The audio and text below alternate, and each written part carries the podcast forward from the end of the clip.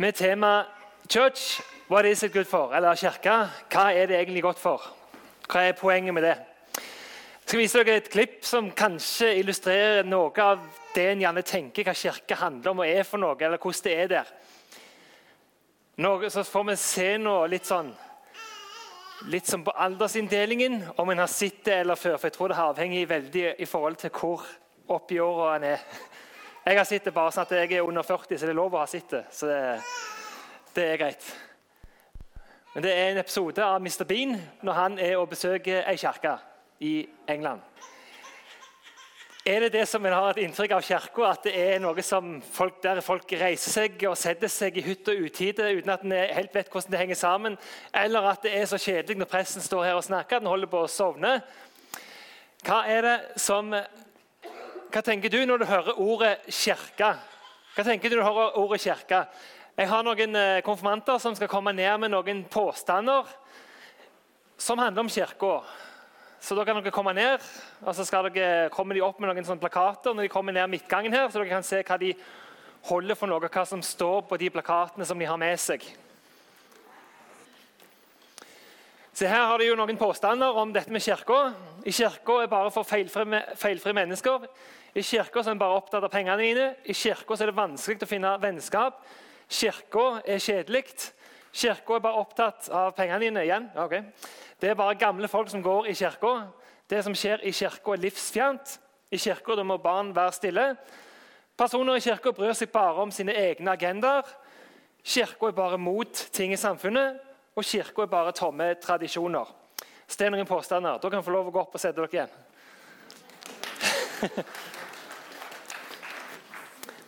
Jeg må ta dem ned sånn en gang iblant for å bare sørge for at de holder seg våkne der oppe. Så det, det er ikke vært mye søvn i natt, altså. Yes. Men skal ta, altså, vi skal da, da, høre en bibeltekst bli lest som handler om dette med hva Kirka er grunnlagt og basert på. Så Pernille, skal du få komme opp og lese den bibelteksten for oss? som er henta fra evangeliet til Matteus. Ja. ja. Eh, det er Matteus 16, vers 3-19. Da Jesus kom til distriktet rundt Cesarea Filippi, spurte han disiplene sine, hvem sier folk at menneskesønnen er? De svarte, noen sier døperen Johannes, andre Elia og andre igjen Jeremia eller en annen av profetene. Og dere, spurte han, hvem sier dere at jeg er? Da svarte Simon Peter, du er Messias, den levende Guds sønn. Jesus tok til ordet og sa, salig er du, Simon, sønn av Jonah, for dette har ikke kjøtt og blod åpenbart deg, men min far i himmelen. Og jeg sier deg, du er Peter, og på denne klippen vil jeg bygge min kirke. Og dødsrikets porter skal ikke få makt over den. Jeg vil gi deg himmelrikets nøkler. Det du binder på jorden, skal være bundet i himmelen, og det du løser på jorden, skal være løst i himmelen. Takk skal du ha, Pernille, og takk for eh, det du leste. Det som vi hørte om her, det er at eh, en som heter Peter, som var en av Jesus sine tolv disipler, han var også eh, det som en kaller en av de tre innerste i Jesus sin innerste sirkel sammen med, Peter, nei, sammen med Jakob og Johannes. Han, han fikk da spørsmål fra Jesus hvem er det du sier at jeg er. Og Det spørsmålet der det er faktisk i livet, ut ifra hva du svarer på det. Men Peter han sier at du er Messias. Du er Guds sønn, du er Guds salvede. Og så sier Jesus at På bakgrunn av den bekjennelsen, den trua og den tilliten Peter hadde på Jesus, så er det at han vil bygge sin kirke. Så Jesus' sin kirke er bygd på personen Peters sin bekjennelse av Jesus. Og nå har jeg noen bilder her som illustrerer, Det ene bildet illustrerer det som en kaller for en hjørnestein. Og Det var spesielt på eldre bygninger altså bygninger som er bygd av ulike steiner. Så hadde en en stein som en kalte for en hjørnestein. Den var mye større enn de andre steinene, og når en skulle bygge bygningen, så var det den en tok utgangspunkt i når en bygde resten av bygningen. Så den var veldig sentral og viktig for resten av verket for at det skulle holdes bra oppe. Og En har jo fått satt uttrykk i samfunnet som en bruker i forhold til dette. En kaller jo gjerne en bedrift for en hjørnesteinsbedrift for å poengtere at dette er noe viktig og sentralt. Men skal en sånn, ta det fram til litt mer sånn moderne husbygging, så kan en jo sammenligne det med grunnmur, som en har her på det andre bildet. For at når en bygger et hus Jeg kan ikke bygge hus, jeg kan ikke bygge fuglehus engang. Jeg kan knapt bygge et dokkehus. Så er det, utrolig, så er det aller viktigste det å ha et solid fundament som resten av huset hviler og står på. Gjør du ikke en skikkelig jobb med fundamentet, så vil, uavhengig av hva du gjør resten av huset, så vil det bli ødelagt og ikke kunne stå stødig. Så fundamentet er det viktigste. Og Det som Jesus snakker om i samtalen med Peter, det er at kirka sitt fundament, det som kirka er grunnlagt på, det viktigste, det er Jesus. Trua på Jesus som Guds sønn. At Jesus var fullt ut Gud og fullt ut menneske Og ga livet sitt for alle verdens mennesker. Og Det har vi jo hørt i forbindelse med dåpen, når eh, pastor Svein tok og ledet oss gjennom trosbekjennelsen. Så er det en sammenfatning av hva vi som kristne tror på, og hva som kirka er grunnlagt på. Så Hvis ikke kirka er grunnlagt på troa på Jesus, så vil hele byggverket rase sammen. Så Det er det sentrale og viktigste med kirka. Men kirka ble starta. Da kirka ble starta, trenger jeg hjelp av Victoria og, eh, og Tiril. Så skal jeg komme og hjelpe meg her med en sånn en eh, gøy rull jeg har her. For Kirka ble jo, sier ofte ble starta på et tidspunkt. og Da skal vi se på det tidspunktet og hvorfor det ble sånn. Så du Tiel, kan holde her. Victoria, du kan ta den. Så kan dere gå i hver deres ende så langt dere kommer. Så håper jeg at det er langt nok. Og så prøver han å holde den opp. Eh, Anne Grete, kan du stå i midten, sånn på baksida, for å holde den opp? Sånn, bare gå lenger. bare gå lenger, Victoria. Og så Tia, du kan også gå lenger. Og så hvis dere prøver å holde den eh, høyt opp Sånn, ja. Da kan du stoppe. Det er veldig bra, Victoria. Det som vi har her, er en tidslinje. Det er illustrasjoner over noen av de viktigste hendelsene i Jesus sitt liv. Som begynner med at Jesus blir født, helt borte der med Tiril. Og Foreløpig nå så er det det som skjer at etter Jesus har starta kirka si der Victoria står. For Jesus er jo ikke fysisk iblant oss sånn som han var for 2000 år siden. Her er det jo at Jesus, Fra Jesus' sin fødsel og fram til Jesus står oppå denne steinen her, eller den klippen, fjellet, så er det at Jesus vandrer rundt på jorda sånn som vi vandrer rundt nå med hverandre. Men så skjedde det at Jesus på det som vi kaller for langfredag Da har vi fri fra Ja, jeg har ikke fri, men dere har fri. Dere som går på skole og sånt, har fri. Da ble Jesus korsfesta. Han ga livet sitt på korset for oss. For at vi skulle få fellesskap med Gud. Men Jesus ble ikke værende i denne grava. Han sto opp igjen på det som er påskedag. Og Så skjedde det at Jesus etter flere dager gikk rundt med disiplene, men så reiste han opp til himmelen. Nok en dag som dere har fri for. Ikke jeg. Som vi kaller for himmelfartsdagen. Ofte kaller en det populært for himmelspretten. Og da, er Jesus ikke lenger fysisk blant disiplene sine lenger. Men så kommer en til en ny høgtid og hendelse, og det kaller en for pinse. Nok en grunn til at en har fri ikke jeg. Men eh, pinse, det som skjer i pinsen, er at det en gjerne kaller for starten på kirka. For der ga Gud Jesus sine disipler, alle som tror på han, en del av seg sjøl i det han som kalles for Den hellige ånd.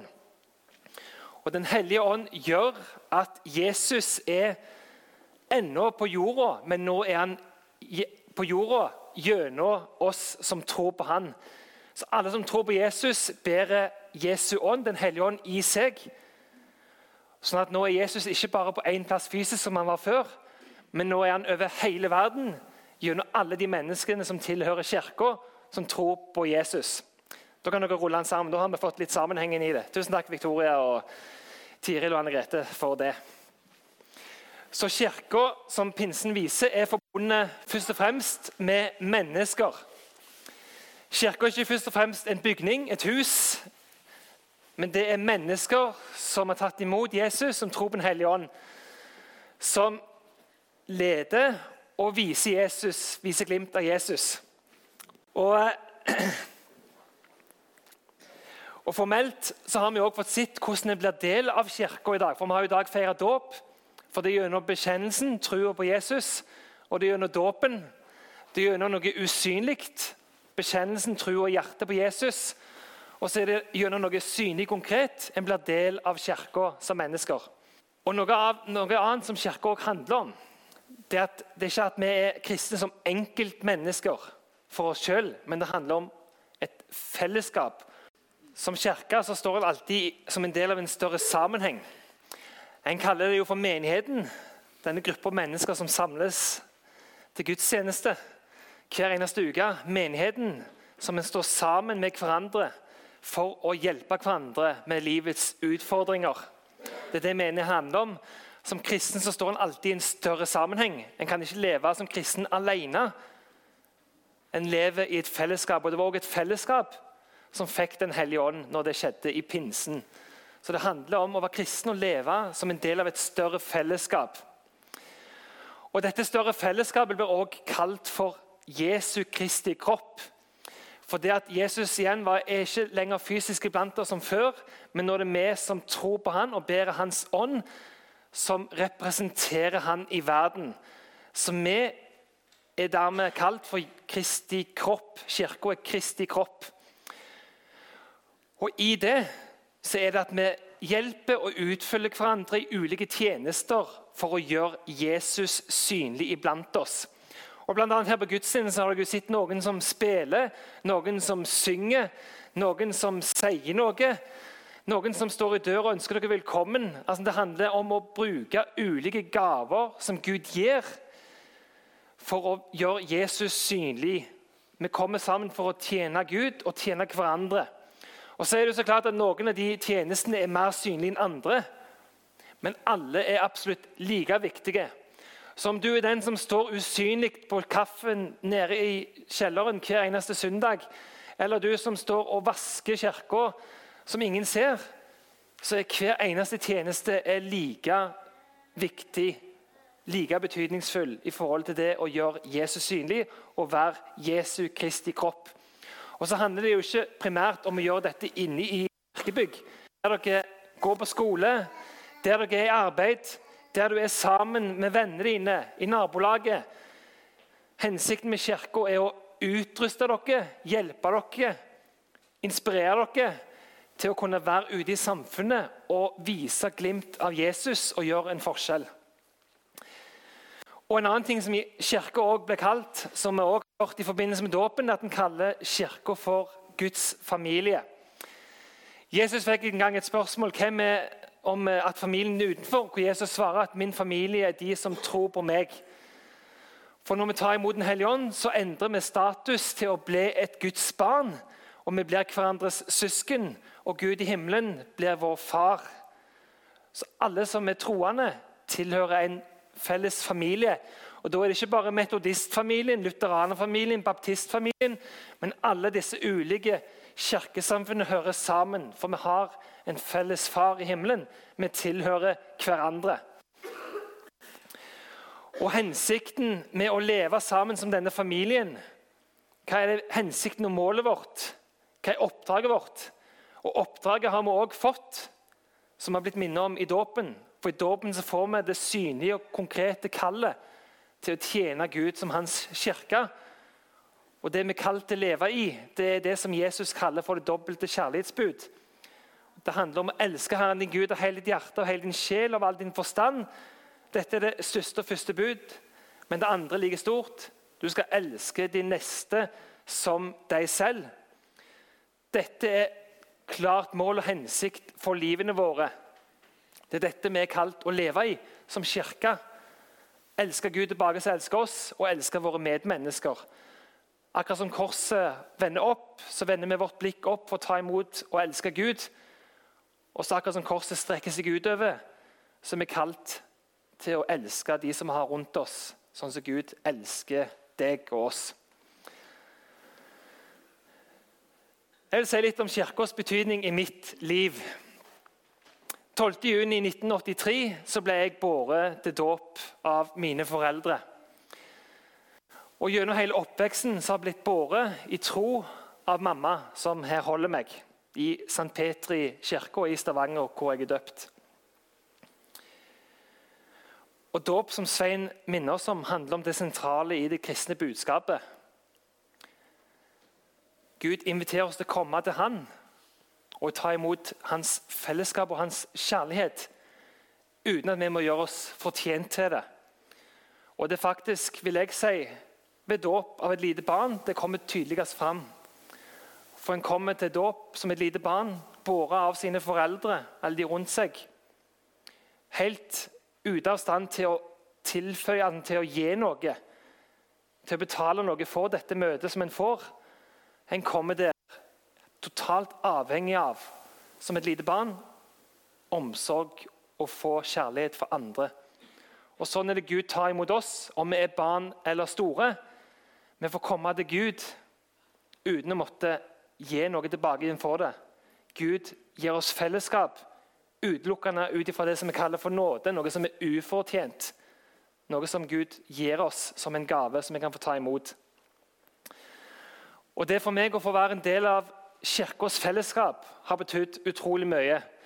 Her er jeg en julaften i Metodistkirka i Stavanger. I en, sitter her på sida og hører på en, som, en, eldre mann som heter Håkon Bastiansen. Han er i dag, han er i dag død. Kona hans lever ennå. Men hvor hadde jeg vært i dag uten alle de menneskene som utgjør Kirkens fellesskap?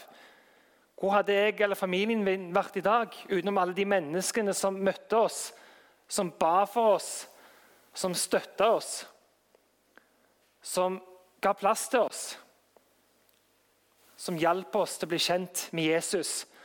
Og Mamma når jeg var liten, hun var så opptatt av det å være en del av kirka. Altså, hun tok meg med hver søndag i kirka. Jeg kunne ikke få lov å si nei til det. det var ikke snakk om det. Hun tok meg også med på alt som måtte være av andre kristne møter og samlinger gjennom uka da jeg vokste opp. Og Her er det konfirmasjonen eh, i 1997. Eh, 1998 er det. Dere kan gjette hvem jeg er. Jeg har både hår og briller, bare så det er sagt. Men eh, jeg vet faktisk ikke om jeg hadde vært i live i dag hadde ikke vært for Kirkens fellesskap. Mange av de menneskene som fulgte meg fra jeg var liten av, lever ikke lenger. Men jeg er så utrolig takknemlig for den støtten og den hjelpen som de har gitt meg og familien til å leve som troende. Og få bli kjent med Jesus og få den utrustninga jeg har fått som tok imot min tvil og tok imot min tro, og som var en støtte. Og så er Kirka, som dere nok vet, mange av dere, kirka er absolutt ikke perfekt. Jeg vet det er mange som har vonde erfaringer med mennesker fra kirka. Mennesker som kanskje etter beste evne og egentlig tenkte godt, sa noe som gjorde veldig vondt. Gjorde noe som gjorde veldig vondt, og som gjorde at en dermed trukket seg vekk. Vi er som mennesker ikke som Jesus. Vi er ikke feilfrie. Vi er ikke fullkomne som Jesus. Men allikevel er det dette her Jesus bruker. Det er kirka Jesus kom for å starte, opprette. Det er dette Jesus bruker for å gi oss i dag et glimt av Han som er veien, sannheten og livet. Så Gud bruker oss feil, oss mennesker med feil, allikevel for å gi et glimt og et møte med Jesus sjøl. Så igjen, Da vil jeg kalle ned dere konfirmanter til å komme hjem med noen nye påstander om dette med kirka. Påstander som jeg håper i større grad kan påvirke hva kirka er, og hva kirka gjør, og hva kirka betyr for andre mennesker i samfunnet. Og så er jo det mitt håp, sånn som når jeg ble konfirmant, at jeg håper at dere konfirmanter, og gjerne dere som ikke kjenner at dere har et kirkehjem, at dere finner et fellesskap hvor dere kan få bli tatt imot med Guds kjærlighet, kan få vennskap og kan få bli utrusta til å gjøre tjeneste i samfunnet, for at verden kan få bli prega av Han som er kjærlighet. Så i kirka møtes en med gjestfrihet og vennskap. I kirka møtes mennesker for å tjene, for å tjene Jesus og sine medmennesker. I kirka mottar jeg støtte og hjelp til mitt liv. I kirka møtes alle mennesker med Guds kjærlighet. I kirka får jeg på vegne av Gud tilgivelse. I kirka ber mennesker for hverandre. I kirka kan jeg med mitt liv få hjelp til å vokse lik Jesus. I kirka utrustes jeg til tjeneste for å bidra i samfunnet. I kirka opplever barn å bli sett og tatt på alvor. I kirka får jeg bekreftelse på min verdi som menneske. Og i kirka gjør, gjørs Jesus synlig. Dette er det jeg håper kirka vil være med og prege samfunnet og menneskemøtene med.